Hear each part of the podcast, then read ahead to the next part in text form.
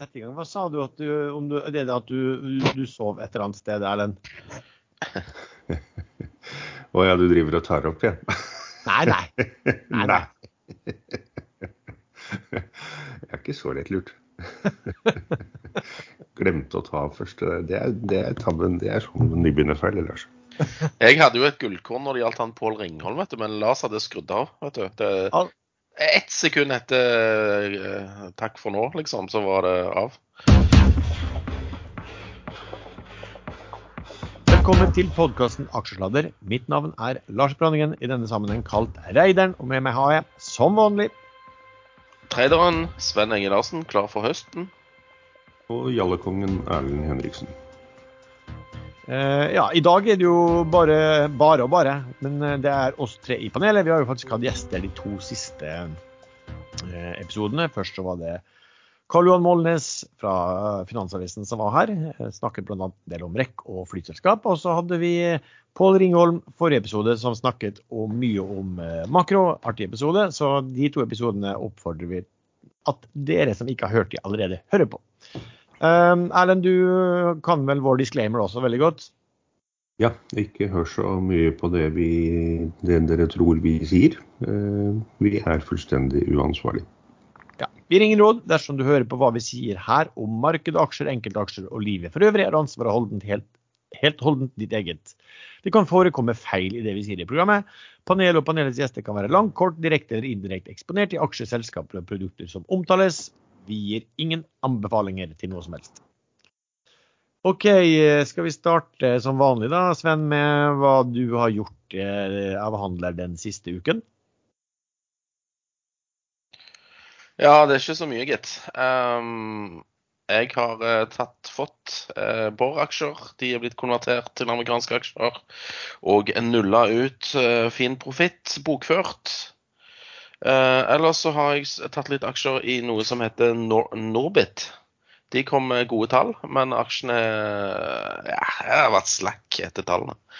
Så der kjøpt på 28 og ligger fortsatt på rundt 28 blank. Ehm, jeg vet ikke hvor lenge jeg gidder å holde den da, hvis det ikke skjer noe. Men eh, alle var fra seg av begeistring, bortsett fra aksjekursen. Den, den var død som en sild. Og så har jeg tatt posisjon i to kanadesiske selskaper, eh, som sikkert ikke er fra Canada.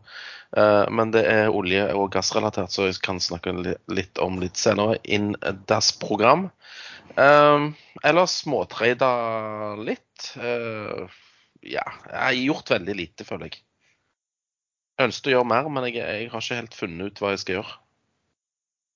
Erlend, hva har du gjort? Jeg har faktisk eh, Jeg gikk eh, long-long i Koa. Det var jeg hele to dager, og så solgte jeg den, for den gikk ikke eh, opp så fort. Jeg trodde den skulle tredoble seg minst på, på en dag, men det gjorde den ikke. Det er definisjonen din av long long, altså. Ja. Nei, sånn har den, den ble for kjedelig. Men den, det er, Koa har, de solgte en avdeling til for en milliard, så de har jo solgt unna eiendeler for eh, flere milliarder i det siste, og de kjøper tilbake masse aksjer. Men uh, verdenssituasjonen, skipmangel osv., det, det gjør jo ting litt vanskelig da, for sånne selskap. Men Koa er ikke så mye på privatbiler lenger, de er mest på nyttekjøretøy. Jeg hadde en liten teori om at uh, bilfabrikanter som produserer både nyttekjøretøy og privatbiler, vil prioritere leveranser av chip til nyttekjøretøy, som jeg vil tro de har bedre marginer på. Men dette kunne jeg ikke nok om, og kursen lå litt sånn på stedet hvil. Så da, da håpte jeg tjente så vidt litt penger på den. Det var koa hele natten, koa hele dagen, og så var den grunn. Ja, sånn cirka det. Ehm, ellers så har jeg økt litt og redusert litt i SAS med vakuumcaset mitt. Så i dag kom det en liten melding om at de må innstille masse flyvninger i september-oktober. Fordi de som skulle avviklet ferie i sommer, de fikk ikke gjort det fordi det var streik. Det, det var jeg faktisk ikke klar over, at det ikke er lov å ta ut, eller man, at ikke det er vanlig å ta ut eh, ferie når, når det er streik. Men det er vel sånn det fungerer. Så da ble det vel dobbeltferie da, for, eh, for disse som nå skal ta ferie. 1700 avganger er innstilt i september og oktober, leser jeg en svensk avis her. Men det er jo litt slemt da for de ansatte som skal på ferie. Hvordan skal de komme seg på ferie, da, hvis de har innstilt eh, så mange fly? Innstiller ikke deres fly, vet du. Bare, bare, andre, an, bare andre kunders. Nei, men det er liksom... fly med Flyr, de vet. Flyr eller no, Satnas. Norwegian. rart opplegg. Ja. Jo, så var jeg innom en amerikansk aksje i går. Uh, SEI. Eh, CEI. Det, må være noen sånne fiskegreier. Jeg har ikke peiling i det hele tatt. Men eh, det er litt sånn hjemmekjør i USA for tiden, hvor eh, aksjer som vanligvis ligger helt døde, nesten uten omsetning, plutselig tas tak i. Eh, det var en annen aksje i går som heter eh, Hva heter den, da? Skal vi se. Eh, denne Bed and Breakfast-saken. Nei, det var ikke det. Bright Mind Biosenic. Bed, Bat and Beyond. Det er der du kjøper håndklær og dritt og lort. Ja, men den tok jeg ikke. Jeg tok Bright Mind Biosenic. For den gikk fra nesten ingenting til eh, opp over 400 Eh, Men jeg tok ikke da jeg tok det etter at det hadde falt 50% av oppgangen. Det pleier ofte å være en sånn Da kommer det en liten dead cat bounce opp igjen. Men den aksjen omfattes om, omsettes vanligvis. Snittomsetningen er 7800 aksjer om dagen. I går ble det omsatt 90 millioner aksjer eller noe sånt. Og det er bare 7 millioner aksjer i fri flåte til det selskapet. Så dette er sånn megapumpe som noen setter i gang der borte. Og da er det fullt kjør helt til musikken stopper, og så går det rett til dass igjen. Jeg trodde du skulle si at du skulle hive deg på dette Bad Bat and Beyond-kjøret, men valgte feil ticker, og han steg 400% så du skjønte ingenting. Det hadde vært veldig moro. Men Det er ikke så lett å komme på begynnelsen. Men det, det, da, det som skjer i USA, er at uh, Wall Betz og disse andre som drar sånne aksjer, uh, de leter etter aksjer som har veldig lav omsetning vanligvis, uh, og veldig få frie aksjer. Og visstnok så er ikke dette hvor mye de er shortet så viktig. For det de som shorter er gjerne såpass proffe så de bryr seg ikke så mye om sånne greier. Kursen faller gjerne tilbake. Så omsatt da eh, 15-20 ganger antall aksjer i selskapet, det er ikke så gærent. På noen timer. Nei, det er ganske ellevilt. Det må man Men jeg valgte faktisk å sitte over med denne Sei-aksjen som egentlig ikke har Jeg tror det er en energi, den heter Camber Energy Inc.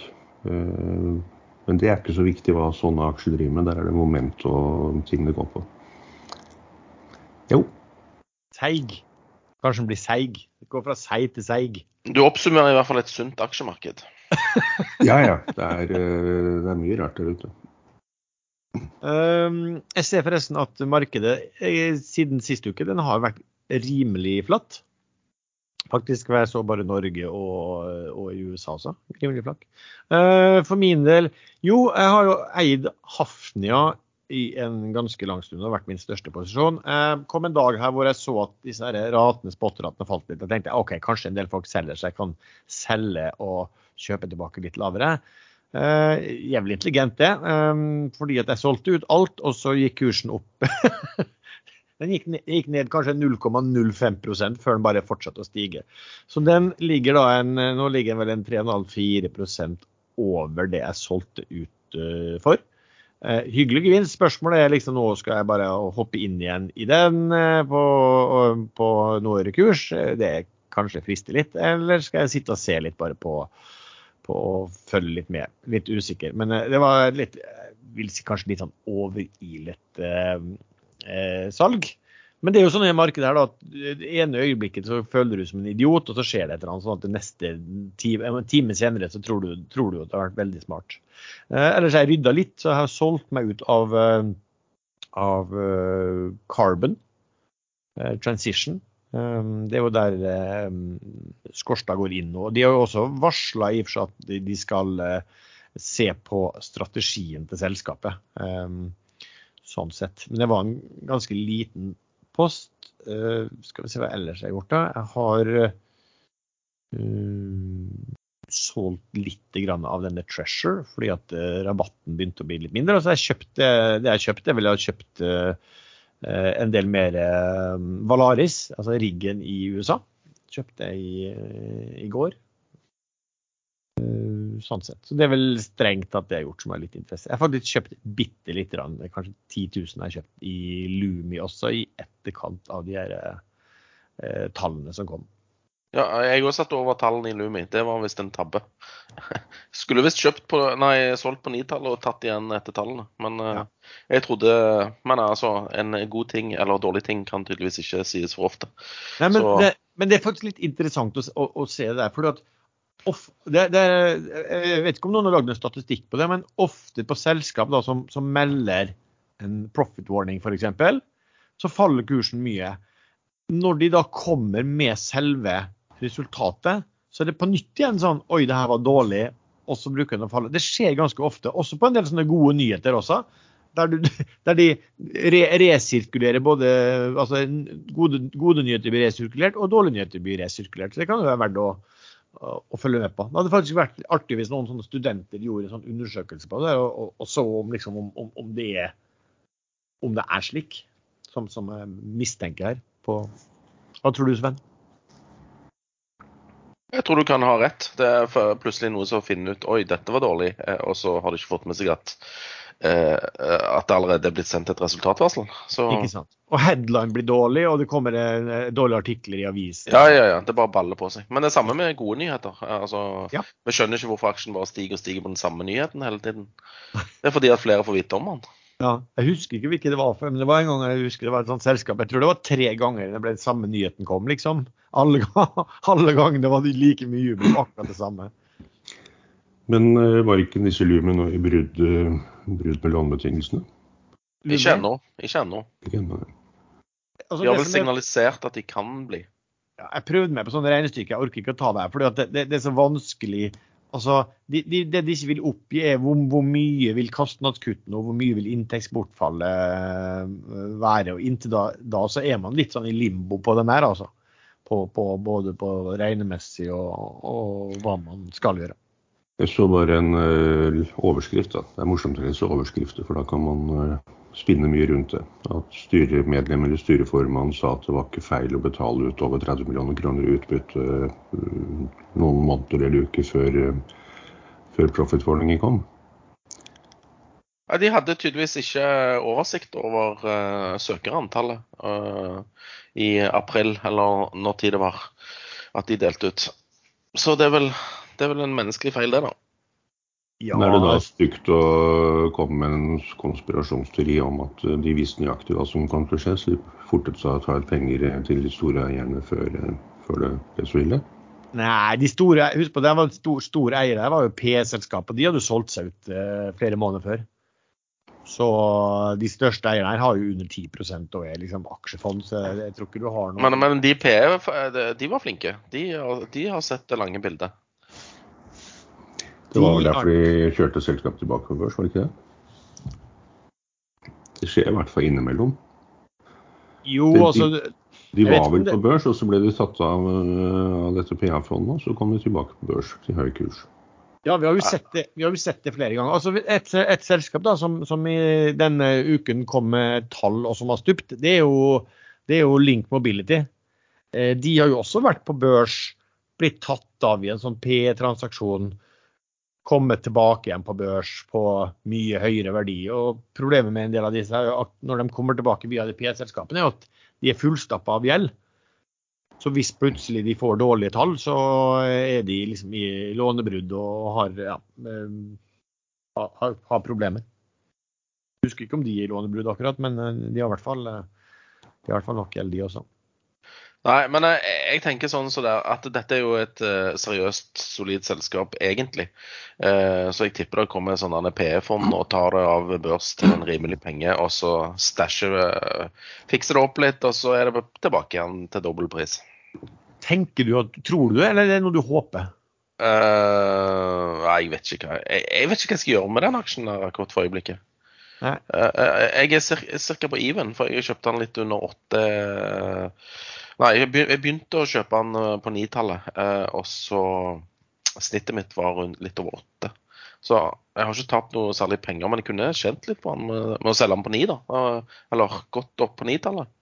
Ja. Du er, flink, du er flinkere enn meg, jeg har gått i minus på det. Men jeg er også litt sånn usikker på hva man skal gjøre. Men, men det er klart, altså, hvis det er sånn ledelsen snakker om er riktig, så er det sikkert et eh, bra kjøp. Du vet jo aldri om det kommer emisjon eller et eller annet. Og, og, men eh, når vi har Nei, det, det kan skje et par ting. Det kan komme en emisjon for å hindre brudd eh, i lånebetingelsene.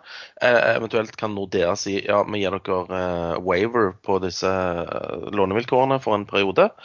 Eh, eller ting bedrer seg i markedet, men det vet du ikke før om tolv måneder nesten. Og så kan, noe, kan han rett og slett bli kjøpt opp. Altså, det, eh, jeg sier ikke at det er et håp, men det er et av mulige utfall. Ja. Det har jo da vært Eller Sven, eh, har det vært som du har sett, har du funnet noe, eh, noen nye mm, emisjoner eller nedsalg eller noe sånt som har foregått i, i uken?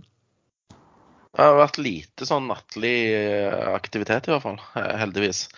Ehm, nei, har, har det vært noen? Jeg har, altså, Nei, denne oppdaga her, det var altså dette som heter Norwegian Block Exchange. Det er vel han Kjos som lagde sånn kryptobørs. Eh, og de har vel, de kom med noen tall, og de har vel rapportert at de har fått eh, garantier fra eksisterende aksjonærer for å hente 10 millioner. Ikke store beløpet. For øvrig er det jo Jeg vet ikke hva de prissetter på børsen, der, men, men altså, jeg så, jeg så bare på det er et selskap som hadde en omsetning på 3 millioner kroner på første halvår. Og det var ned fra 3,6 året før. liksom, Hadde 7 millioner. i det. Så, så det er jo ikke noe som vokser, og som hadde liksom eh, på, på eh, halvåret hadde de liksom en tap på 25 mill., eller om det ikke var mer enn det også. Så det er ikke verdens største selskap, da. Cappa til 256 millioner as we speak. Nei, men det er jo, da er det jo i forhold til eh, Hvis de er på, ta, på en takt da, på 6 millioner kroner i omsetning, så er det jo priser til 40 ganger sales, da. Eller inntekten. Ja. Nei, men Det går, sikkert, det går sikkert bra til slutt. Du, du hørtes overbevist ut. ut. Uh, egentlig ikke. Men jeg, jeg, mens dere snakker, så har jeg kjøpt litt sånne uh, NRC. De kommer òg med tall. Eh, så jeg, eh, jeg var litt sur for at jeg ikke har så Du husker han uh, Schumann, når vi hadde han Ja. på besøk? Det var hans eh, beste tips. Nå har jo Jeg kan ikke si at oppgangen har vært formidabel siden han var på besøk, men eh, han har iallfall uh, tikka i, i rett eh, retning. I dag er han ned 4,5 så da har jeg liksom tok og adda litt for de tallene, og ikke minst ordrereserven uh, syns jeg var veldig bra. For den har jo falt 4,4% Den gikk vel opp en del i, eh, i går på etter det der eh, Ja, det var 4 opp i går, da, etter den eh, kapitalmarkedsdagen. Så DNB hadde jo mente jo at den skulle gå ganske kraftig opp på De økte i hvert fall kursmålet en, en del på den. Eh, om Erlend er her fortsatt? Ja, Ja, det var han. jeg sovnet bare lite grann. Som vanlig. Eh, Erlend, da kan vi Vi hadde jo besøk av, eh, av Karl Johan Molnes for et eh, par uker siden. og Det har vært mye sånn brudulje rundt da Finansavisen, hva han skriver om, eh, om REC og kurser og alt der. Og så hadde vi en eh, i går som er en av de største, er største privataksjonæren i, eh, i REC, som heter Atle Sandvik Pedersen. som vi vi kjenner godt fra, fra ekstrainvestor også. Eh, som han var ute både i Finansavisen og i Dagens Næringsliv og mente at ting så veldig, veldig bra ut. Eh, hvorpå Finansavisen og Molnes da senere, eller samme dag publiserte en eh, artikkel som var ganske skeptisk. Så i, i avisdelen så ble det jo da Den ene siden var da eh, Atle med bull på caset, og neste side var Molde som har virket desto mer bear på caset. Hva, Erlend, hva, hva, hva tenker du om, om uh, vurderingene og kursutviklingen og alt rundt REC nå? Nå, nå har jeg ikke lest eh, noen av de to artiklene. Eh, De har veldig forskjellige måter å se på caset på. Eh, Som Atle skriver, han var jo veldig fair og grei nok der. Han har ikke giftet seg med aksjen og kan eh, fort finne på å selge egentlig før eh, avisen har gått ut ryggen, eller eh, etter at den har gått ut ryggen. Eh, Han er jo en stor aksjonær der, og har jo da selvfølgelig egeninteresse av at kursen skal opp. Men han er jo ikke dum heller, han kjøper gjerne det han tror skal opp, av en eller annen grunn.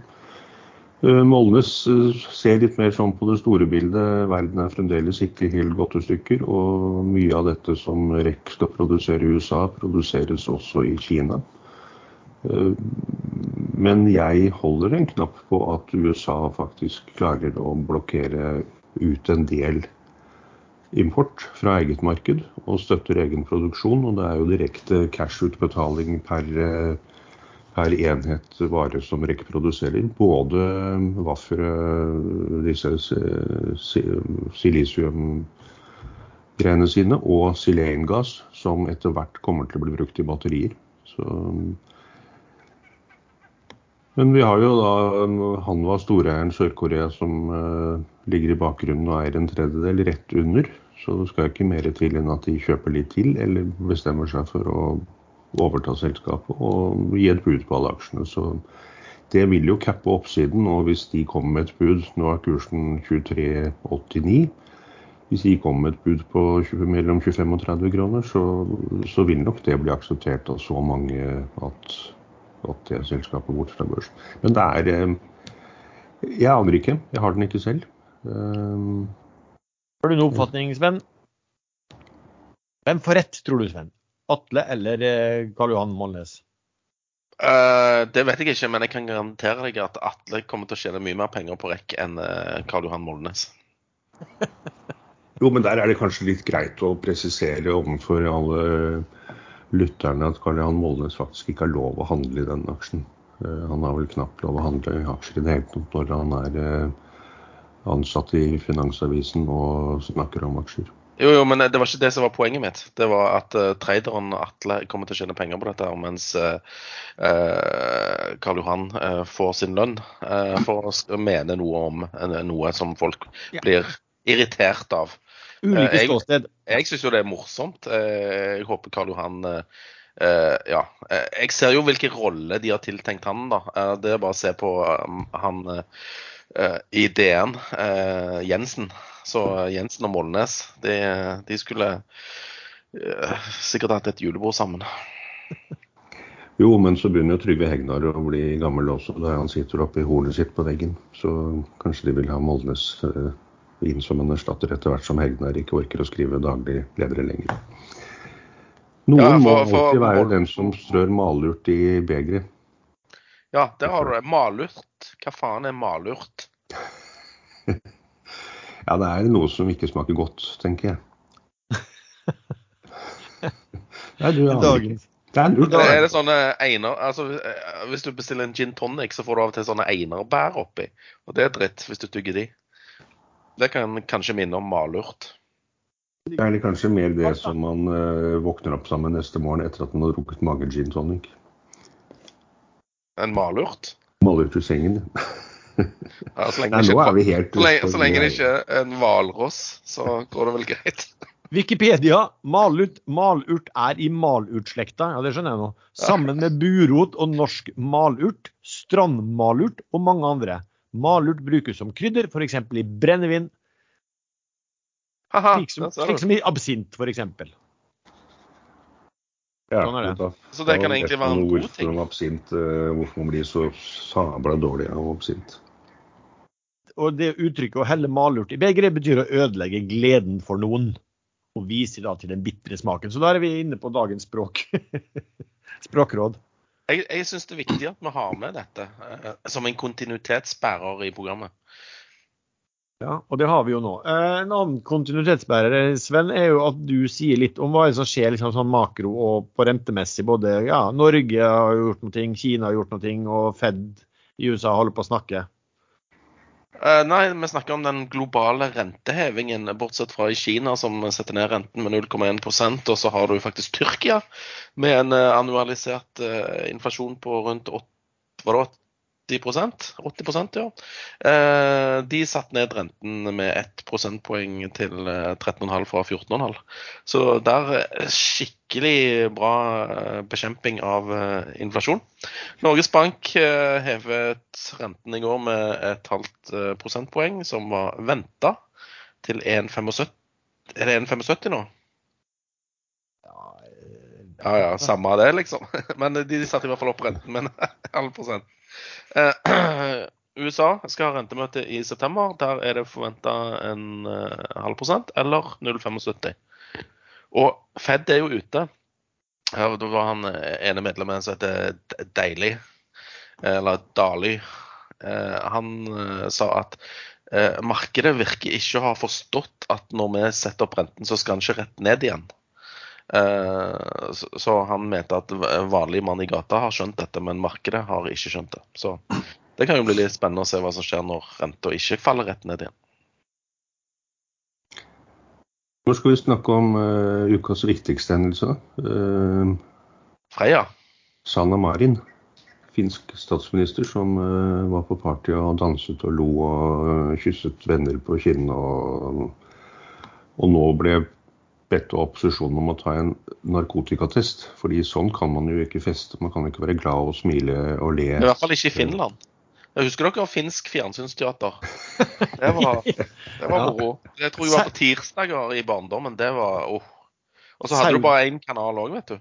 Ja, ja vi, vi, ble tvunget. Det var jo Fjernsynsteatret fra, fra, sånne, fra um, Finland og hele episoden var i saunaen, liksom? Ja, sakte TV fra saunaen. Ja, var så var det jo tre dialoger i hele filmen. Ja, og så ble alle drept på slutten. Kollektivt, kollektivt selvmord. Grynting, gryn, grynting og drikking og drap. Ja, nei, men eh, ja, eh, det var dette jeg skulle spørre om. Søren, eh, jeg tenkte på dette i går. Hvorfor er ikke denne podkasten på Arendalsuka? Er det budsjett? Eh, nei, for alle gikk rundt der nede og sa liksom eh, dere har kjempebra podkast, liksom. Eh, Valebrokk og, og Stordalen-podkasten var der nede, og også masse andre podkaster. Men, Men det er derfor vi ikke er det. Vi skal skille oss ut. Ja, ah, det er derfor. okay. hvorfor, skal vi, hvorfor skal vi liksom gå ned og, og menge oss med allmuen? Å ja, sånn ja. Vi hever, oss, vi, vi hever, oss, ikke ned der. Eller senker oss ikke ned der. Nedheving. ja, det er veldig bra. Jeg trodde det var budsjettproblemer og at uh, eieren er kjip, liksom. Ja. Jo, de er jo, det vet vi jo. Ja. Men det du sa om Fed, eh, Sven, er jo altså, Man begynner jo å bli litt lei av de uttalelsene jo hele tiden. da, men, men, det er jo liksom tydelig altså, Det virker som de hele tida nå vil de prøve å gi oppfatning til markedet. Da, for at Nesten som de er litt redd for at aksjemarkedet har blitt for mye jubel i den. For det kan jo påvirke etterspørselen også. Så nå må de prøve å si at nei, men litt sånn, dere har misoppfatta det kommer ikke til å falle likevel. Men så begynner de å indikere som noen som indikerer at ja, men det, det, kan være at vi ikke øker fullt så mye som dere tror. Men vi kommer ikke til å kutte etter det igjen. Altså Det blir liksom uh, mye rart her. Men markedet mener jo da at det, det de sier, og at, uh, ja, at, de kommer til å gjøre det etter hvert som markedet Det kom en sånn referat fra forrige rentemøte òg, der det var enstemmig med 0,75. Nå leste ikke jeg eh, alle headlines som kom fra det referatet, men ja, leste du det? Fed Minutes? Nei. Nei. Jeg gjorde ikke det. Eh, men det ble vel ganske godt mottatt. I hvert fall børsen gikk vel bra den dagen, gjorde det ikke det? Eller? Jo, jo. Det var, altså, det var gjerne litt mer dovish enn uh, hawkish. Da tolker de jo omtrent eh, hver eneste ord da, på, i den type, den type, referater også. Men, men OK, vi, vi, hadde jo så mye med forrige uke med Pål som snakket om dette her, så det er kanskje ikke så mye å, å ta i tillegg den episoden her. Eh, men en annen ting vi snakket om, og det er noe, det er en måneds tid siden, eh, fordi at eh, eh, som var litt interessant da, det var altså Bank of America som hadde altså sånn, de har en månedlig spørreundersøkelse blant eh, mange hundre globale forvaltere. Der de spør dem om hvor mye vekting er det, hvordan er stemningen, hva tror de om sånn og sånn. Og da, da var det jo sånn at eh, forrige gang så ble det liksom opp, øh, ble det vel kalt for å være akopalyptisk bearish. Um, de hadde noen undervekt i, eh, i eh, Altså de som var undervekta i antall aksjer, var liksom på rekordnivå. Eh, og, og, og, da, Vi hadde jo en sånn liten sånn prat her om at det kanskje kunne bety at man skulle bli mer optimistisk. For da var det kanskje ikke Og, og det, det, har jo gått veldig opp siden da. Men når det kommet en ny da, for august-undersøkelsen, Um, og mens man forrige uke var andelen som sa at den var undervektig i aksjer, var på 44% så er det nå falt til 24 eh, Andel cash i porteføljen har falt fra 6,1 til 5,7% men det som også var interessant, er jo at, er jo at eh, flere, altså 58% av panelet, tror på nå på en global resesjon innen tolv måneder. Det var 47% da, forrige måned. Så flere tror på en resesjon, men de har vekta seg opp i aksjemarkedet. Jeg tror sånne undersøkelser kan manipuleres ved å f.eks. spørre noen fredags ettermiddag hvordan ser du på livet, versus mandagsmorgen, liksom. Tror du får to forskjellige svar, da?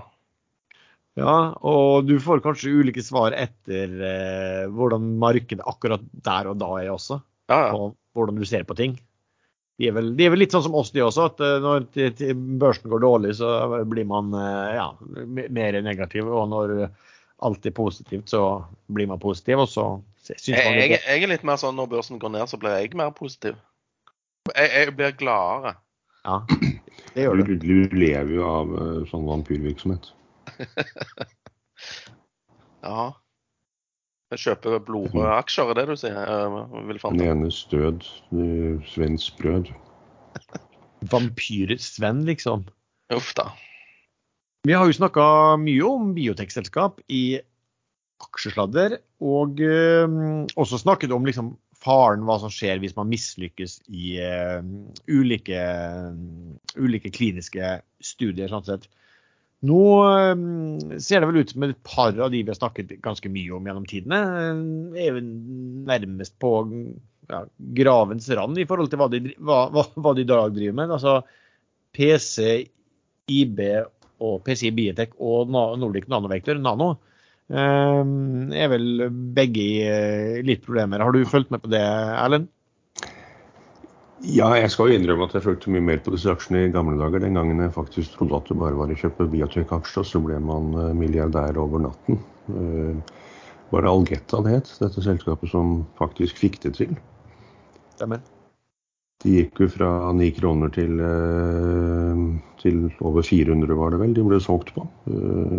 Rundt et år etterpå, etter at den bundet ut. Eh, Så den, den suksessen har nok vært eh, noe av det dyreste som har skjedd for norske biotek, håpefulle biotek-investorer. Dette er, eh, det er en grunn til at de store internasjonale selskapene ikke kjøper opp sånne selskap som mener de har et fantastisk produkt som vil bli medisin etter hvert etter fase 1, 2 og 3 noen år fram i tid. Fordi så mange ikke får det til. Så enten så er det selve produktet de prøver å lage som ikke funker som det skal, og det finner man ofte ikke ut eh, før litt langt ut i prosessen, eller så er det plutselig konkurrenter som kommer på banen med noe som gjør at det de selv prøver å finne ut eh, av, ikke lenger har noe verdi. Eh, Det andre blir billigere eller bedre. Så PCIB de har vel egentlig nå ingenting igjen. De, de har to kroner aksjen, var det ikke det du fant ut, Sven? 76 millioner eh, kroner, og så er det vel eh, eh, 34 Nei, 32 millioner aksjer. Noe sånt. Så Nei, mer enn det. Det er 37 millioner aksjer. Så det blir 74. Så det er to kroner aksjen i cash. Mm. Har falt 40 i dag til 2,80 per aksje. Ikke sant. Og det var jo en aksje som ble hauset i et annet investorforum eh, ganske brutalt for kort tid siden. Eh, Og det var jo etter at de allerede hadde meldt store problemer med noe annet. Så, så man skal være veldig forsiktig med hva man hører på. Eh, Og spesielt hvordan andre tolker situasjonen. og Derfor har vi et par disklemmere. For innimellom så, så går jo vi selv i fellen, sånn som dere to med Lumi. At man er ganske overbevist om at dette kan bli bra, så blir det Er det lov å si ræva på det? Nå syns jeg du var ufin. Ja ja. Men det må dere bare Altså, Vi kjøpte jo ikke Lumi på 50. Vi kjøpte den jo etter han hadde falt masse. Ja, men eh, men Altså, okay. gode Ja. analyser og eh, fornuftig tankegang ut fra historiske eh, parametere tilsa at dette kom til å bli bra, men det ble det jo ikke. Nei, der er jeg uenig med deg. Krybben er tom, så bites hestene. Jeg tror vi skal ta den diskusjonen der eh, om tolv måneder som Sven snakker om. Eh, men eh, men nå, nå er jo ikke vi så overbevist noen av oss, da, så om tolv måneder kan det ha vært bra, men at vi kan ha tapt penger uansett. Jeg leste at de har eh, kjørt i gang en stor annonsekampanje, sånn eh, billboard-poster-kampanje rundt i hele byen. Hvis man søker, eh, hvis man googler på selskapet, så kommer det andre eh, selskap som driver med, med eksamen, privatisteksamen osv. Så, videre. så da har de andre selskapene tydeligvis eh, lagt inn noen søkeord på sine hjemmesider som gjør at de kommer øverst, og så har de kanskje betalt litt for oss å ligge øverst. Så det er et tøft marked der ute. Det er ikke alltid det beste vinner. Men vi var på biotek, da. det var vi, ja. Nei, det var Beise, Sven og Lars sine investeringer-segmentet. Lov det også. Ja, ja, nå har vi hatt en lang periode med Frøya her hvor jeg har fått noen kommentarer. Og de har, de har faktisk ikke sluttet. eh, Selv om Frøya nå er beviselig skutt og drept, så det, kommer det antydninger og hentydninger ennå. E- Etter du sa kjøp Pexip før tall, så jeg begynner jeg å bli skeptisk til dine råd. Sa jeg det? Fake news. Ja. Pexip? Jeg kan, jeg kan ingenting. jeg Hørte du ikke på forrige sending? Det var med i sendingen. Ja, Eller, jeg jeg vet ikke om var jo ikke jeg med. Nei, men du var med i ånden. Men Sven var jo ganske Sven var jo sannspådd der. Ja. Dette med skyting. Ja ja, han ble jo skutt. Ja. Men eh, jeg, jeg skal ikke ha skylda for det. Nei, men han er oppstanden, tydeligvis. Hæ? Å ja, han, ja. Men Nå altså er, det, nå er det noen som har samlet inn penger til Frøya. Eh, 20 000 dollar, så er det stå på CNN der. Eh, så dette er en historie som har gått verden rundt. Det er ikke veldig god norgesreklame. Eh, men jeg bor rett ved vannet her ute i Vollen, hvor den har vært flere ganger. Eh, og her bader jo unger i sjøen, og det er langgrunt akkurat her hvor jeg bor. så de hvis en unge hadde vært 50 meter ute på landgrunnet og den eh, beistet av et dyr hadde kommet svømmende full fart imot, og trodd at den lille ungen eh, det vært en and, så tror jeg ikke det hadde gått så bra. Det, det holder at den egentlig vil leke. Mitt forslag var jo at når jeg så De, de skal jo da samle inn penger til, eh, til eh, denne stakkars hvalrossen. Men denne stakkars hvalrossen tok jo brutalt og lekte og drepte en svane. Eh, Så jeg, jo, jeg skjønner jo egentlig ikke hvorfor man ikke kan også lage da, en bør jo ha en statue av den stakkars svanen også. Eller kanskje lage en statue med hvalrossen som dreper svanen. Det hadde kanskje vært det aller beste. Det, det kan man ha. Men de pengene burde de faktisk bruke til å sende opp til eh, noen som driver med forskning på hvorfor sånne dyr plutselig bryter ut av flokken og er på steder de ikke skal være. Det kan være miljøgifter, og det kan være Kanskje rett og slett ble mobbet, støtt ut av flokken. Ja, Det tenkte jeg. Han ble mobba. For han så så stygg ut.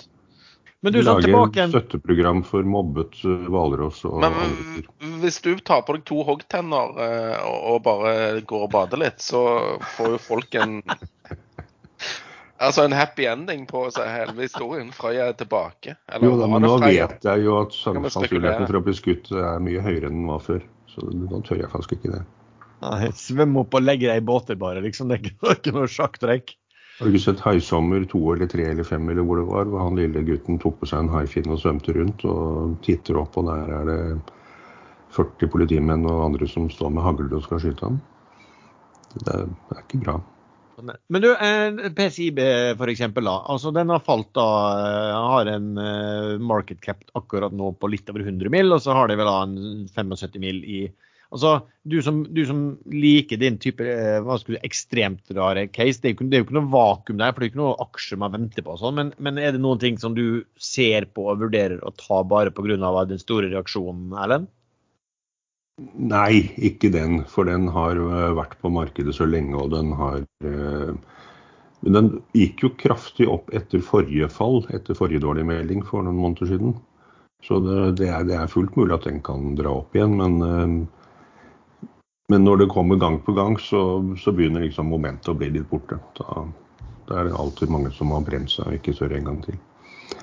Eh, Men de har vel ikke noen sånn konkrete planer ennå, eller sagt hva de skal gjøre. Nan- Nano, Nordic Nanovekter, de kommer med en børsmelding hvor de skrev at de eh, har kontaktet eh, finansiell rådgiver, og alle opsjoner er åpne. og sikter mot en rekonstruksjon. Så det kan jo plutselig bli et eh, vakuum case hvis det blir vedtatt at det kommer x antall milliarder nye aksjer på veldig lav kurs en stund fram i tid.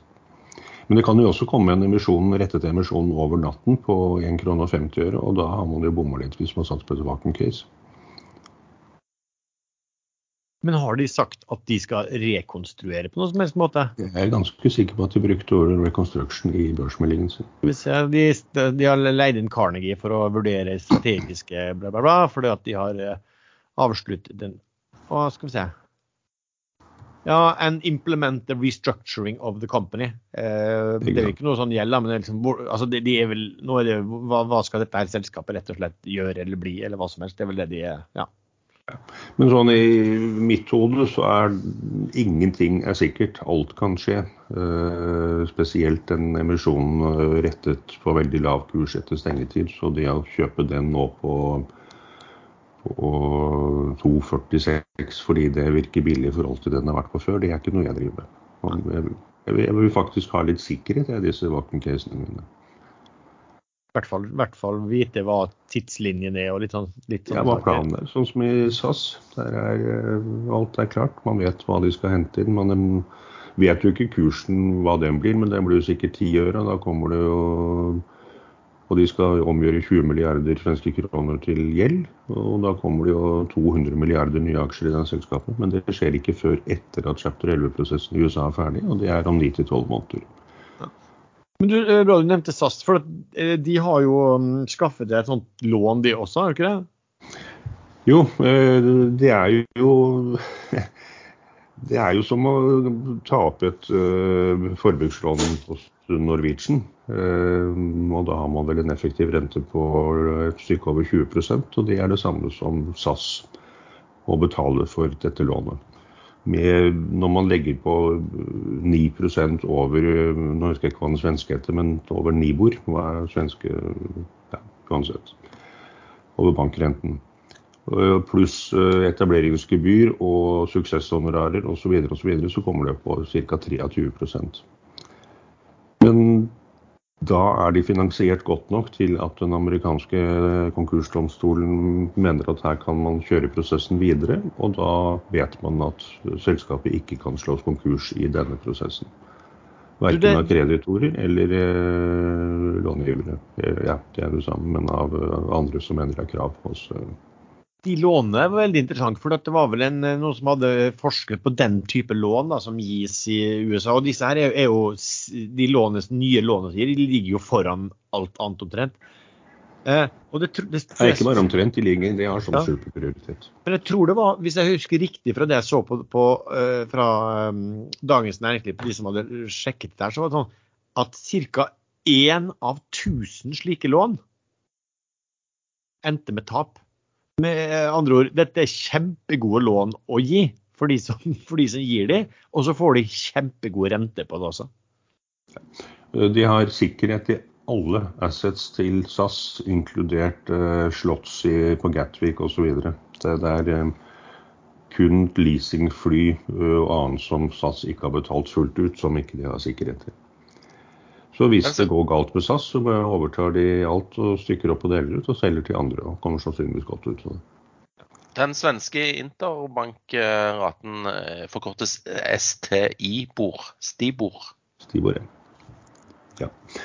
Så, men dette er Polo Asset Management, og de er jo, de er jo Ofte så omgjøres mye av lånet til aksjer. Så det er en kombinasjon av uh, cash-hjelp, og etterpå ende opp som langsiktig eier. Og de er faktisk eh, ansett som en langsiktig eier der hvor de ender opp med aksjer. De har vært inne i norske Aker Filly også. Det tok lang tid før de begynte å selge seg ut der. Så man trenger sånne aktører òg, eh, forutsatt at det er en fordel for eh, verden og danske stat f.eks. med flyplassen de har Kastrup, eh, at det selskapet overlever. Da må man betale det det koster. Ja, og, og altså, man kan godt si, hvis, hvis det er sånn som, som beskrevet da, i denne eh, artikkelen i Dagens Næringsliv, at, at, det er lav risiko og veldig høy rente, så er det jo, det er jo fritt fram for andre aktører til, til å tilby lavere rente. Så sånn er det. Men denne CEO-en i SAS, han hollenderen, jeg husker ikke navnet hans i farten. Uh, han har vært gjennom to sånne prosesser før, visstnok i Sør-Amerika. Så han kjenner til hele systemet, og når han ble hentet inn, så Som en skrev på chatten i Ekstrainvestor, at er, man må ikke tro at det er tilfeldig at akkurat han ble hentet inn. Han vet nøyaktig hvordan man kjører sånne prosesser. Men, men hvem var det som ga det lånet til SAS? Var det Bank Norwegian? Apollo Asset Management, er det ikke det heter? Det er jo fredelig, det. Ja, Det kan jo ikke være fredelig. Det heter i hvert fall Apollo, det, er- det Ah, er ja, riktig. ja. Men det, det er noe annet. Storefredelig. Det er lillefredelig i Norge. Du, eh, I dag i Financial Times så er Norge på eh, førstesiden. Det er en av de eh, kommentatorene i Financial Times mener at Norge bør kutte gassprisen på sine salg til Europa, siden man oppnår sånne helt fantastiske priser, og at det ja, press, presser landene og befolkningen i de landene. Hva, hva syns du om det forslaget, Sven? Nei, jeg syns på samme måte som strømprisen at vi skal holde oss til eh, de prisene markedet bestemmer. Hvis dette hadde blitt gjennomført, så ville jo dette tilsvart at Norge faktisk gir strømstøtte til hele Europa. I Aftenposten og nettopp så kom det en artikkel at øh, det som er planlagt allerede av strømstøtte i Norge, det, da er vi oppe på 41 milliarder kroner. Og da begynner jo litt av argumentene til de som øh, syns at staten tjener så mye på dette her, og har tjent så mye penger om å betale det ut igjen. Da, liksom, da, har, da gjør jo staten det. Da betaler ut overskuddet. Jeg er nok litt, eh, litt ambivalent i forhold til om Norge burde støtte egen befolkning. Eh, Vi har faktisk ganske god råd i dette landet her, og det er, eh, det er veldig veldig mange som sliter med strømregninger på mange tusen kroner. Men her er det jo gasprisen, da. sånn sett. Det er vel ikke strømkabler, men produksjon av gass. Pris på gass. Men kan ikke noen spørre den Financial Times, eh, de som skrev den artiklene, om eh, hvorfor ikke Europa betalte mye mer for gassen og oljen til Norge da eh, oljeprisen var på 20 dollar og gassen nesten ikke kostet noen ting? Da, da måtte jo de støttet oss. Ikke sant. Det er et poeng der. Og Norge har vel, sånn som jeg har forstått det, så har man gjort det meste av gassproduksjonen for å øke gassproduksjonen i Norge, og klart det også. Eh, Så det har jo avlastet eh, noe. Men eh, altså, for å si det sånn, sånn Tyskland sånn som har gjort det, det er jo ingen som har bestemt at de måtte gjøre seg avhengig av et Russland som allerede hadde opptrådt fiendtlig ved å annektert Krim. Så sånn er det. Men eh, jeg syns vi bør gjøre sånn som i Spania. Der, der går du også tanke full tank på dieseldroget ditt. Og så går du og betaler, og så får du 25 cent eh, rabatt i kassen når du betaler. Fordi at eh, myndigheten syns at eh, dieselprisen og bensinprisen er for høye. Ne, altså, det var jo et godt stykke under norske priser, da, så jeg syns jo det var god butikk. Så du kjørte og kjørte og fylte og fylte da, for å tjene mest mulig på dette? Eh, ja, nesten. Kjørte alt jeg kunne. Du, forresten, eh, husker dere Vi hadde faktisk det i navnet på en episode i eh, januar, tror jeg det var. Da han eh, Kjetil Bøhn, som da var tidligere sjef i Quantafuel, han var ute og hausa opp eh, Kyoto. Eh, ganske mye. Husker dere vi snakket om det? Noen av dere har det minnet? jeg husker at du prøvde å hause Kyoto, ja. For du pleier jo å sitte med den aksjen. Men, Og du men- sitter vel med den nå òg, gjør du ikke det? Ja, det er riktig. Men vi var ganske, vi var ganske, vi var ganske harde den gangen. Da, at han snakket om den skulle, skulle så veldig mye opp. Og, og, tenkte at, liksom- og, og han fortalte at han kom til å kjøpe seg videre oppover. Det var vel litt der at vi sa at det var jo jævlig lite sannsynlig hvis du løper rundt og forteller at den skal masse opp før du skal kjøpe. Men det har faktisk vist at når han uh, kom med den i, i, i januar, så gikk jo kursen ganske mye opp. Men det varte ikke så veldig mange dagene. Eh, og så har han faktisk økt holdningen sin med 70% Så det, var derfor i dag er det en artikkel i, da, i Finansavisen eh, eh, i forbindelse med at han selger i Quantafuel da, og har kommet over 10% i Kyoto. Men han Og så resirkulerer vel han det, det han sa sist gang da, om, om Kyoto, og da går jo kursen opp ja, 17% på det han sa strengt tatt. Som var Men, eh, men eh, det er altså termisk lagring av eh, varme. Altså lagring av varme, som er dette Kyoto. ja, termiske batterier, er vel det de kaller det for. ja.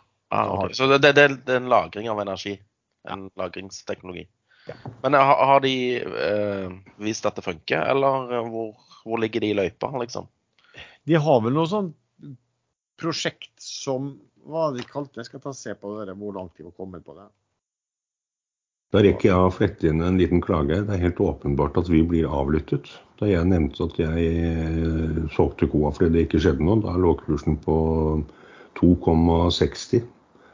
Eh, dagens lodd, low of day, og så gikk den opp til 2,66 rett etterpå. Rett etter at jeg fortalte at den gadd jeg ikke holde på, for det tar for lang tid. Så her er det noen som driver og kødder med meg. Og direkten. Så han gikk opp to øre mens du så på? Seks. Seks, Seks øre. Oi, oi, oi. Ja, nei. Det du, du kan Du begynner å lure. Jeg ser bare her, Sven, på spørsmålet ditt, så er det sånn at de, de har under bygging sånne eh, batterier som bl.a. skal på det, det Nordjyllandsverket. Og så har de eh, ikke så lenge siden avtale med Hydro, som jo er større aksjonær i selskapet, om at de skulle liksom, ja, sammen utvikle og tilby en, en service der de skulle ha eh, Kyotos Heatcube da, som en, som en del av prosjektpakken. Så det høres jo bra ut. Men altså, det, er jo, det er jo tidlig fase ennå, da. For å si det sånn. Vi har, vi har ikke noe som er, som er, solgt og som står og tikker og går, sånn som jeg forstår det. Men det er vel også litt sånn kritikken mange har, at mange av disse selskapene går altfor tidlig på børs. Ja, men eh, det, så kan du samtidig si på mange måter at growth er ikke børs. Det er vel det man har sagt, at det skulle ja. være en slags sånn ja. Og så var det et litt sånn grønt hysteri der i fjor, eh, hvis dere ikke husker det, da. Da, da var det alt, alt skulle på børs, da. Ikke så rent lite grønt hysteri heller, nei. Det er fair å si. Um, hva, hva gikk den aksjen på børs for? Jeg tror den gikk på 40-tallet. Kan, kan det stemme? Gjorde emisjon på 40-tallet. Henta inn ganske mye penger. 52,49 står eh, notert som eh, høyeste pris april 2021.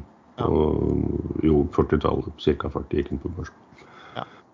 Så da har eh, de som uh, hev seg på på toppen der, de har tapt over 50% Ja, de som gikk inn i emisjonen og sånn. Sklei vel, jeg husker også den sklei ganske fort nedover, for at de, de traff vel men nå er det noen som sier at man har ikke tapt før man har solgt. Eh, det burde man faktisk vende seg av med å tro. Det, man har, når kursen er ned en dag, så har man i prinsippet tapt hvis man må selge fort. Eh, men for øvrig Sven, så er det riktig at jeg eier litt i den. Men det, men det, var jo ikke for at jeg skjønner så mye, eller noen ting av selskapet egentlig, men det var fordi det var en eier som hadde for en, en del uker siden hadde solgt og solgt og solgt, og solgt, og som var egentlig ferdig solgt. Og så var det et spill på en, eh, på en eh, rekyl på det. Så eh, ja. Så var det. Du, Solst Offshore er det veldig mange som er interessert i, og de kom med eh, tall i går eh, som jeg skulle bare nevne. Altså, det er klart at De, de viste da i kvartalet en, en ganske sterk fremgang, som ser bra ut. Du, men også var det mye snakk om at de hadde liksom en milliard i valutatap. Men det vil jeg egentlig sett litt sånn bort ifra. For det, det, det, det er valuta sånn sikring. Så selv om du får da et slags valutatap på lånene dine, så skal egentlig det motsvares av tilsvarende verdiøkning på dine asset og hva skal du si, kontantstrømmer. da, I hvert fall hvis de har, hvis de har eh, eh, timet riktig i forhold til valutalånene sine. Eh, men, det som er også interessant å se på, én ting er de som er aksjonærer der, vil glede seg over å se en kraftig framgang i Q2. Eh, men det man også skal se på her, er en at de har ganske mye Capex hele tiden. altså må, Skipene må inn på sånn maintenance og alt der, og det, det ser du ikke direkte i resultatregnskapet. Det kommer inn som en investering. Men så er dette her med renter, som man skal begynne å være obs på. Ikke bare på de og på andre. Men det er klart at nå går jo renten opp. 1 renteoppgang, prosentpoeng renteoppgang for uh, Solstad Offshore innebærer 200 millioner kroner i, uh, altså i, i, større rentekostnader. Da. Så jeg så bare på tallene liksom, hit, hittil i år. Eh, hvis du så sånn på første halvår isolert, så, så, vil, så, så, gikk det jo mer cash ut av selskapet kom inn. altså Det gikk netto rentebærende gjeld økte. Eh, men ser du på, liksom, på Q2 og regner det om på et år, så, så er det jo fort kanskje sånn at da, da kanskje de hadde hatt en eh, cashflow på en 600 millioner kroner da, som, som kunne brukt til å nedbetale lån. Men, men, det indikerer jo bare at de må fortsatt ha fremgang. Og de må ikke ha altfor høy Altså at renten går for mye. Den type selskap. Og som sagt, det, det, det være obs på bare på dem, men på mange andre som har høy rente, og bare se hvor mye det slår hvis renten begynner å gå opp én og to. Og, du, du, mener sikkert høy gjeld, de som har høy ja. Høy gjeld, ja. Det er riktig. Nå får, nå får de òg høy rente. Det er riktig. Og så kan man også si at en del av disse aktørene som har re... vært gjennom en restrukturering, de har ofte fått i starten en lav rente. Eh, fra eh, långiverne. Jeg tror jeg så at eh, Solstad, som er veldig forgjelda, hadde jo en rente på rundt altså i snitt 3,3% som jo uansett er veldig lavt. da. Så det kan jo godt være at i takt med at de begynner å vise gode resultater, hadde jeg vært bank, så hadde jeg økt den renten. For at jeg tror vel at den renten fort skulle vært dobbelt så mye hvis det hadde vært basert på marked i dag. Hvis de hadde fått lån. Så du mener at størsteparten av fremtidig cashflow tilfaller bankene? Eh, stadig mer. Og, ja. stadig mer. Og det er klart at, altså, Du kan tenke deg sjøl, hvis du var bank, Solst Offshore kom eh, med 20 milliarder kroner eh, og skulle ha refinansiert det, noe de i og for seg må gjøre i 2024 uansett. Hadde du tilbudt de lån til 3,3% rente da? Hadde jo ikke det. Nei, nei. Sant? Det hadde jo blitt mye, mye mer enn det. Det er sånn det er, SAS-rente. Ja. Så det får vi vise, da. Men, eh, men positivt er jo at de, at de, viser en bra økning i eh, resultater og indikerer at, eh, at det markedet ser bra ut og at det, at det kan fortsette. Da. Men, men, som sagt, de er helt avhengig av det der. Og det ja, gjelder en del andre innenfor, innenfor offshore også, det. Er det noe spesielt dere har lyst til å snakke om ellers, eller skal vi ta og snakke om noe som er ukens eh, favoritter? Nei, det er bra. Skal vi ta, Har du noe spesielt? Eh, Nei, skulle ikke du snakke om eh, et hemmelig brev du hadde fått tilgang til, da? Jeg kunne jo snakke om det under ukens favoritter, men vil du høre om det hemmelige brevet nå? Ja, det hørtes veldig hemmelighetsfullt ut. Og er det et brev, eller er det et elektronisk brev vi her snakker om? Eventuelt et rekommandert brev? Jeg tror det er dette. Altså, det, nå har jo snakket om, eh, Vi har snakket litt om Green Energy Group, som vi har vært med på emisjon i også, Sven. Jeg nevnte vel at eh, jeg regner med at eh, Magnus Halvorsen som gikk inn, og Austbø med flere kom til å ønske å ta grep. og at det kanskje var, som du hadde vært inne på, Sven, at å ha ett seismikkdel og en bit skal dele med sånne havbunnsmineraler, virka eh, lite gunstig. Og... Det havbunnsgreiene. Jeg så EMGS fikk en kontrakt på å, å, å lete etter noen sånn havbunnsmineraler fra NTNU og noe greier. Så det henger jo tydeligvis sammen da med den seismikkbiten på en eller annen måte. Ja, om de bruker samme ressursene, men, eller om de skal investere. Nå, nå, vet jeg ikke hvordan eh, de har gjort det, eh, den, den green eh, energy minerals. Men siden de har det, altså, hvorfor skal de ha det i et eget selskap hvis det var på en måte bruk av akkurat det samme? Nei, nei, det, men det var fordi at det var hot med sånn grønt. Så ja. da skifta de jo navn på både det ene og det andre. Altså, ja. Uh, ja.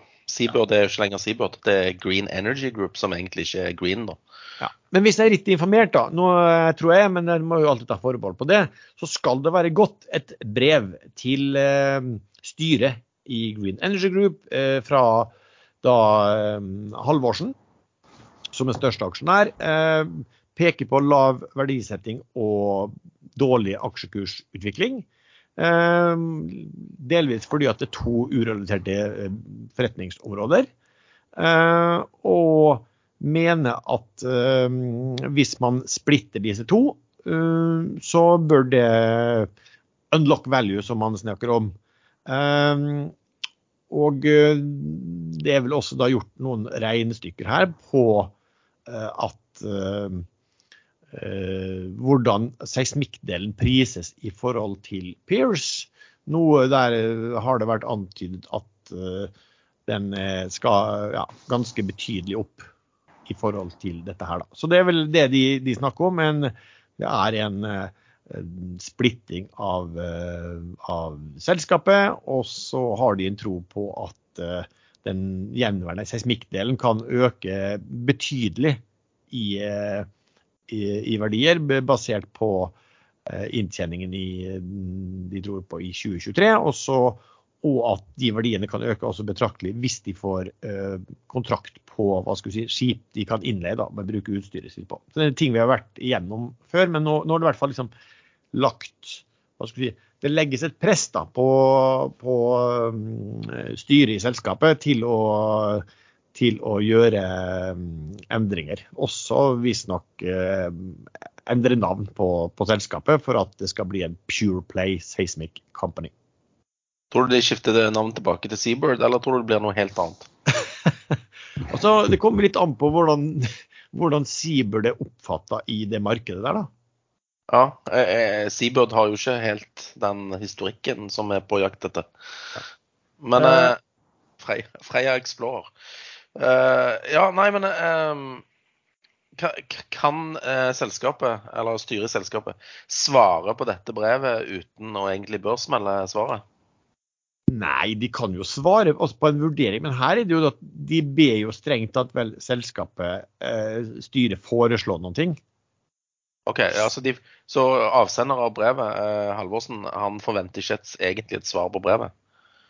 Nei, jeg tror bare han uh, spiller inn hva de mener bør gjøres, og, og til. Uh, og så vil jeg jo tro da at med, hvis man ser på denne aksjonærlisten og alt det her, så vil jeg vel tro at det ligger underforstått at uh, Men hvis dere ikke gjør det, eh, så må dere forvente at det gjøres endringer på, på styrenivå. Det er i hvert fall min, min, min tolkning av det. at jeg, jeg, tror de kommer til å være såpass sterke. Når, jeg vet hvor mange slitne aksjonærer det er i, i Seabird-systemet, og det kommer inn den type aktører og, som har den type tanker, så tror jeg de, de, de vil gjøre dette her, da. Hvis dere ikke gjør sånn som vi sier, så selger vi aksjene våre. Ha-ha. Så i hvert fall jeg har hørt snakk om, om, om, det ligger i brevet, det vet jeg ikke. Men de snakker liksom om åttekroners kroners oppside på aksjekursen. Eh, basert på en litt sånn proforma kapitalstruktur, hvor, hvor liksom, du bruker verdien de har i denne green minerals, og hva de mener at uh, den isolerte Seabird-biten, eller seismikkbiten, kan eh, klare, med, med ekstramuligheter på disse på, på sånne fleksible charterbåter. Så det blir jo interessant å se. 353 000 kroner er det selskapet omsatt for i dag. Hva da? 153 000 kroner er det omsatt for i GEG i dag. Gamle Seabird Exploration. Ja, det har vært mer i de andre dagene. Jeg vet ikke, Skal vi se om har vært omsatt i, i gråmarkedet, for det, det, ligger jo der. Det jeg egentlig vil fram til, er at uh, selv, selv, jeg uh, reagerer på at uh, det selskapet får så mye plass her i dagens sending, så, så, vil nok andre også reagere på det. Vi har jo faktisk et brev som jeg tror, eller informasjon som jeg tror fortsatt også ville skre, blitt skrevet om i media. Ja, det er plantet, det brev. Det, det, det, det brev, det brev, Erlend. Har du sett, uh, har du sett Paradise Hotel? Der er det vill oppstandelse hver gang det kommer sånn brev. det, det, programmet har jeg faktisk sett så lite som mulig. Ja, men du visste om det? At hvis det kommer brev, så må de si at nå kommer brev, brev. Ja, det visste jeg Og så skjer det, skjer sett på det. Så skjer det et eller annet spennende. Og det er jo det samme som skjer i, i Seabird nå, da. Noen har sendt et brev, og så sier styrelederen ja, vi har fått brev. Og så må de kalle inn til styremøte og diskutere og, sette, og gjøre noe. For ikke å se helt dust ut. Så vi får se hva som skjer. Men, men vi, kan, vi, kan, jo gjenta at uh, Seabird er vel et selskap som har sånn notorisk uh, skuffet aksjonærer over ganske mange år. Ja, vi kommer jo av og til med råd til selskapene. du husker når vi, når vi holdt på å snakke om havjard og de greiene der. Uh, mitt råd til, til uh, altså Green Energy Group det er å ikke kalle selskapet Seabird igjen, men finne på noe uh, annet småsexy navn som antyder at de holder på med seismikk. Ja. Men det er en, en, annen ting. Det var jo sånn at det, det var jo en lettere før, før han Halvorsen kom inn rett før, så ble det jo en avløst, eller det ble jo ikke avløst, men ja, mer eller mindre i hvert fall. Det var en lettere og intent at et annet selskap skulle kjøpe opp Seabird. Eh, Det var mye spekulasjoner på hvem det var, og mange trodde at det kunne være eh, Magsize. Fordi at det her ble liksom stanset akkurat samtidig som det kom bud på Magsize fra, eh, fra TGS. Og nå var det jo noen som påpekte nå at nå hadde jo da Seabird-delen da fått en sånn 14 måneders kontrakt på båtene sine. Og så meldte jo også Magsize nå at de hadde fått 14 måneders kontrakt med var det, var det Exxon nedi eh, Guyana, eh, en eller annen sånn. Så det, så det passa jo godt til at den storkontrakten skulle være ja, med fra, inklusive sammen med uh, Magsize. Da, og at de da og da høres det ut sannsynlig ut at de, de kunne være en, uh, en tager på det. Så vi får se. Det var, dagens, det var det brevet du hadde lyst til å høre om, Sven. Syns det er litt spennende, spennende med sånn hemmelige brev, altså.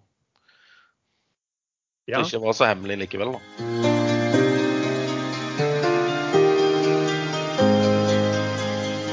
Og så over til vår hovedsponsor Skilling, som er en skandinavisk eid CFD-megler.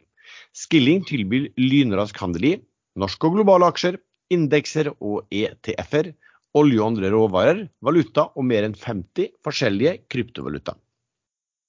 Skilling har en rekke forskjellige handelsplattformer og trading-apper. Skilling Trader, Metatrader 4 og C-Trader.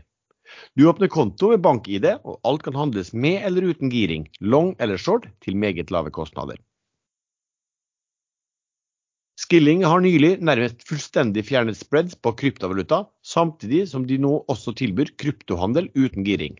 Spread på bitcoin er eksempelvis bare en halv dollar, og enda lavere på de andre 50 pluss kryptovalutaene som Skilling tilbyr.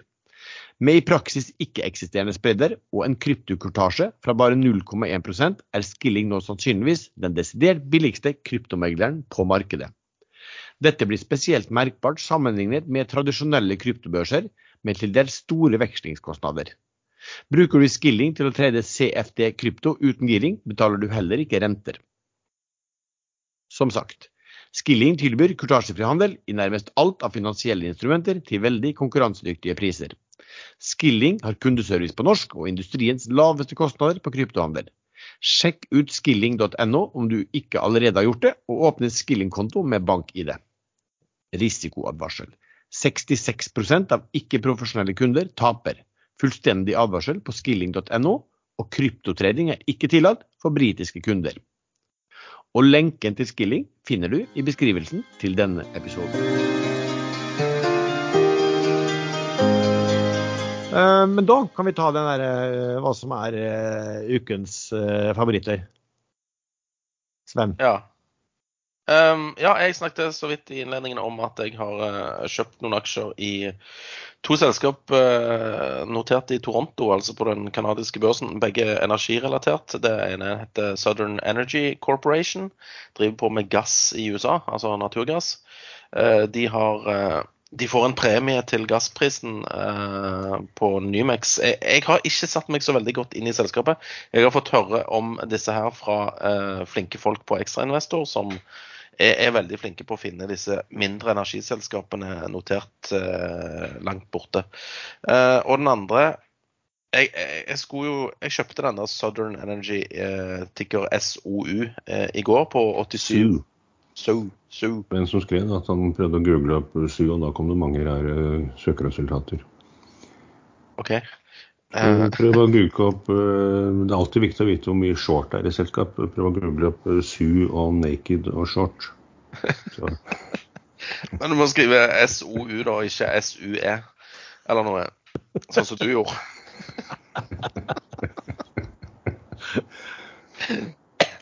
Oi sann. Um, jo, eh, jeg kjøpte det på 87 eh, kanadiske De er vel cent de har der òg, i og med at de har dollar i Canada. Uh, ehm, men så skulle jeg egentlig kjøpe mer, men så stikker den jævla aksjekursen rett opp i 94-95. Så jeg har ikke fått kjøpt ferdig, så det syns jeg var urettferdig. Uansett, da. De gjorde en emisjon for ikke lenge siden på 87 cent, så tenkte jeg at det var en grei, eh, grei eh, inngang. Eh, så jeg lå eh, der og skulle ha mer, men fikk ikke. Men det kan jo være at han faller tilbake igjen. Vi får håpe. Uansett, de bruker de pengene fra emisjonen til å bore masse nye hull og øke gassproduksjonen sin. Og når det blir vinter her, så tror jeg eh, gassprisene òg i USA skal videre opp.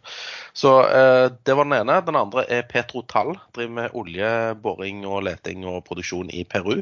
Og det ga meg så gode vibber tilbake til gamle Interoil, som drev og eh, krangla med Peru Petro og Petro Peru eh, at jeg måtte bare kjøpe den aksjen der på 60, 60 kanadiske cent.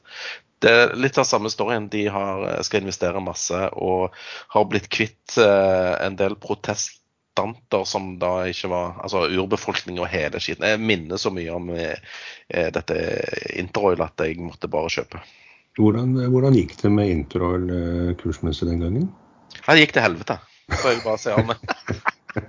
og styreleder måtte gå, og det var et skikkelig oppvask. Men jeg, jeg, hadde tro på olje i Peru. Og når noen nevner Peru og olje, så det er akkurat som å senke en sånn holdt på å si, En fiskekrok med en ølboks på, eller et eller annet jeg hopper på.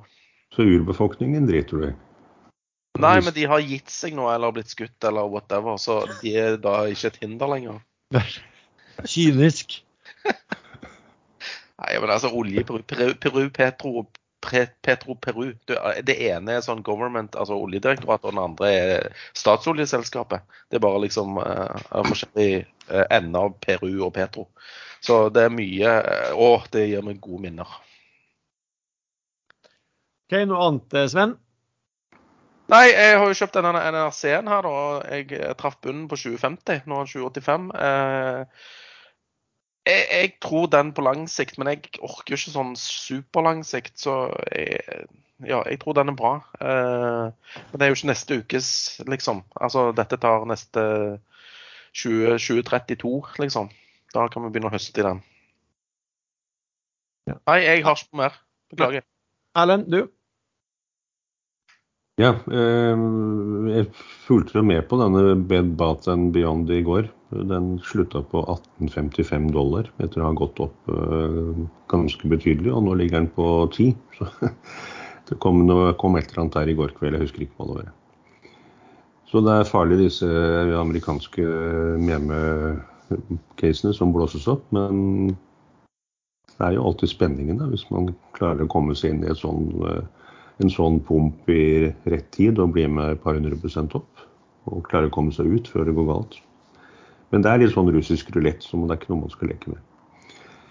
Eh, jeg holder eh, Jeg har jo redusert Nå er det to uker jeg var her sist. Jeg har redusert en del i Hyon, eh, men jeg holder fremdeles en drøy tredjedel av det jeg hadde. Grunnen til at jeg reduserte, var fordi jeg håpet at det skulle komme en nyhet raskt, og det kom ikke. Nå er Arendalsuka i gang, og det er fremdeles ingen nyhet som drar kursen opp. Og tydeligvis en litt større aksjonær som har eh, blitt lei denne Bodø-aksjonæren, Schumann eller hva det heter for noe. Det er vel to blad Schumann, en mann og en dame. Jeg vet ikke om de er mann og kone eller var mann og kone eller hva det er. Uansett, så, men det er jo det er ikke stor omsetning, og kursen har falt ned mot uh, to kroner på det laveste. Den var oppe i 2,95, uh, men jeg har snitt 1,86, så den er det ikke noe grunn til å, til å ikke avvente. Så plutselig finner jeg på å øke igjen også, i håp om at det kommer nyheter raskere enn en jeg nå frykter. Ting tar ofte tid i sånne selskap. Eh, så har jeg fremdeles eh, SAS og Martin Case. Den falt litt tilbake i dag, et par prosent, fordi det kom varsel om eh, masse kansellerte avganger i september-oktober. Men nå 29.8 så kommer kvartalstall Q2 i SAS, og da var de litt hemmet av streik blant flyteknikerne. Men det varte bare et par uker, og det var ikke en omfattende streik. Så det, i Q2 så vil jeg tro at SAS kom med ganske gode tall. Men man må jo presisere at dagens egenkapital er tapt. Eh, det er bare smuler igjen. Eh, så dette er et eh, high risk case, og kursen burde vært i, på 10 øre, ikke på 65 øre. Men så er det denne vakuumgreiene igjen, da. Ja, og så følger jeg med på Onkopeptides, som jeg faktisk klart å spå helt riktig. At den, nå ligger den på 42, den var helt oppe i 50 kroner i går. og Da er det naturlig at den tar seg en liten pust i bakken. Men den tipper jeg skal til 100 kroner. Men jeg har ikke vært med på oppgangen fra rundt 26 kroner opp til der den er nå. Det passet ikke inn i, i resten av det jeg holdt på med. Men hvorfor kjøper du ikke det hvis du tror den skal til 100? Jeg sliter alltid med å øh, komme meg inn i sånne aksjer som allerede har gått mye. Øh, jeg prøver å vente på en øh, ordentlig dropp, men det har liksom ikke kommet til den aksjen. Og så går den en krone eller to eller fem til dagen etter, og så tenker jeg da venter jeg litt til. Så hadde jeg gjort det da den passerte 30, så hadde jeg jo hatt en pen oppgang. Men det gjorde jeg ikke. Men det er sånn men, men, tidligere har du sagt at liksom, hvis aksjen stiger til sånn og sånn, da kjøper jeg. For da skal den videre. Ja, for, for meg er det en veldig rar tankegang. Hvorfor ikke da bare kjøpe den med en gang, og så Ja. Nei, det er litt fordi Men nå har den jo da falt fra 50 og ned, nå ligger den på 42. Eh, det er jo et ganske betydelig fall hvis man hadde gått inn på toppen der i går, og over 50. Det er 16 det er i kjapp hoderegning. Det har du helt rett i. Uh, og det er jo helt stiv de, man prøver å unngå, men uh, den, har, den, har, ikke sånn direkte steget på nyheter. Uh, det er sånn lang prosess. og Jeg er fremdeles redd for at hele aksjemarkedet skal få seg en skikkelig krakk. Jeg liker ikke makrobildet i det hele tatt, og det er ingenting som har bedret seg der. Så også sånne aksjer vil halvere seg plutselig hvis alt faller 30-50% Så innimellom så kommer man seg ikke på dette toget, og da er min erfaring at sannsynligheten for å tape penger er ganske stor hvis man prøver å hive seg inn i ja, men jeg skjønner hva du sier. Jeg liker gjerne å aksjer som har snudd tydelig opp fra bunn, og som er på vei oppover. Og jeg tok jo den litt på veien, og har egentlig fått med halve, halve kursøkningen fra 3 kroner og 78 øre opp til der hvor den er nå. Så jeg plager ikke, jeg. Ja. Ok, um, ja, For min del um, Sven, husker du vi snakket forresten om uh, muligheten å ta en uh, eh, Valenius Wilhelmsen short og en eh, Wilhelm Wilhelmsen holding long. Den, den, hadde jo vært veldig bra i uken som var nå. Når eh, Valenius Wilhelmsen kom med svake tall, da ble jeg plutselig tatt inn mye av den, der, den differansen der som, som, vi snakket om. Faktisk, ja. vi hadde jo le men en ting er å leke med tanken, og en annen ting er å gjøre den. Da, så, så um, Jeg hadde glemt ut den igjen, da, så det Ja. Men sånn er det av og til. Um, nei, ellers så som, som har jeg jo kjøpt litt mer Valaris. Eh, sitter jo fortsatt med disse Nava Medic som jeg snakket om eh, siste gang. Den er vel opp ja, ikke så mange, noen, noen fine små prosenter, men det, det er ja, lite eh, volum i, så den blir man sittende inne. Og, og litt det samme da, i, som er, i Gegg, som jeg jo kjøpt en del mer av der, eh, i troen på at eh, enten at de folkene som kommer inn, endelig kan få, få noe til med selskapet, slash at folk oppfatter at de kom, kan komme til å få noe til. det kommer til å bli helt det kommer til å bli helt Paradise Hotel, den aksjen der. Jeg har jo sendt et brev. Så, nei, så vi får se. Ellers jeg har ikke noe sånn spesielt andre. Jeg er også litt sånn eh, Nå har jo markedet gått mye, og vi begynner jo å nærme oss eh, ja, ute i september og september, oktober og disse her kan jo ofte være litt sånn eh, litt, eh, litt skumle måneder. Så eh, det er greit å holde litt sånn tørt krutt. Og så har jeg sagt at jeg skal holde meg bare til, liksom, til, til veldig likvide. og der har jeg jo klart selvfølgelig brutt litt den regelen her. Da var å dytte inn litt i da var Medic og, og, og, mer i Gegg, som er noe du fort må bare anta at du blir sittende i. Når blir disse her eh, emisjonsaksjene i Gegg, eh, Gegr til Gegg? Det er vel kun snakk om uker her nå? Ja, jeg vet jo ikke. Du, du handler jo den på OTC-listen, da. Ja, ja. Og den uh, handles jo litt under uh, vanlig gegg. Ja. Så det er jo fullt mulig å gjøre en arbitrasje hvis du sitter på gegg og bare bytter det inn i gegger. Ja, eller hvis du ikke sant, eller hvis du, altså, hvis du, hvis du tror at du likevel kommer til å sitte på aksjen om en, uh, noen uker, så er det jo bedre å kjøpe den på unotert, for det er billigere. da, For det, det blir jo det samme om ikke så lang tid. Jeg husker ikke helt hva, hva tidsperioden er, men det er neppe spesielt lang tid. Uh, ja, noe annet dere har lyst til å fortelle om eller si før vi eh, avslutter episoden? Nei, bra. Da takker vi så mye til deg som har lyttet til denne episoden. Du treffer stadig vekk oss tre chattene inne på Ekstrainvestor. Vi har også en gruppe på Facebook som heter podkasten Aksjelader. Musikken er som vanlig laget av sjazz.com, og vi høres! Jeg syns alltid det er spennende å høre hva Erlend skal i helgen, for han skal som regel ting som jeg ikke skal. Ting du ikke får lov til.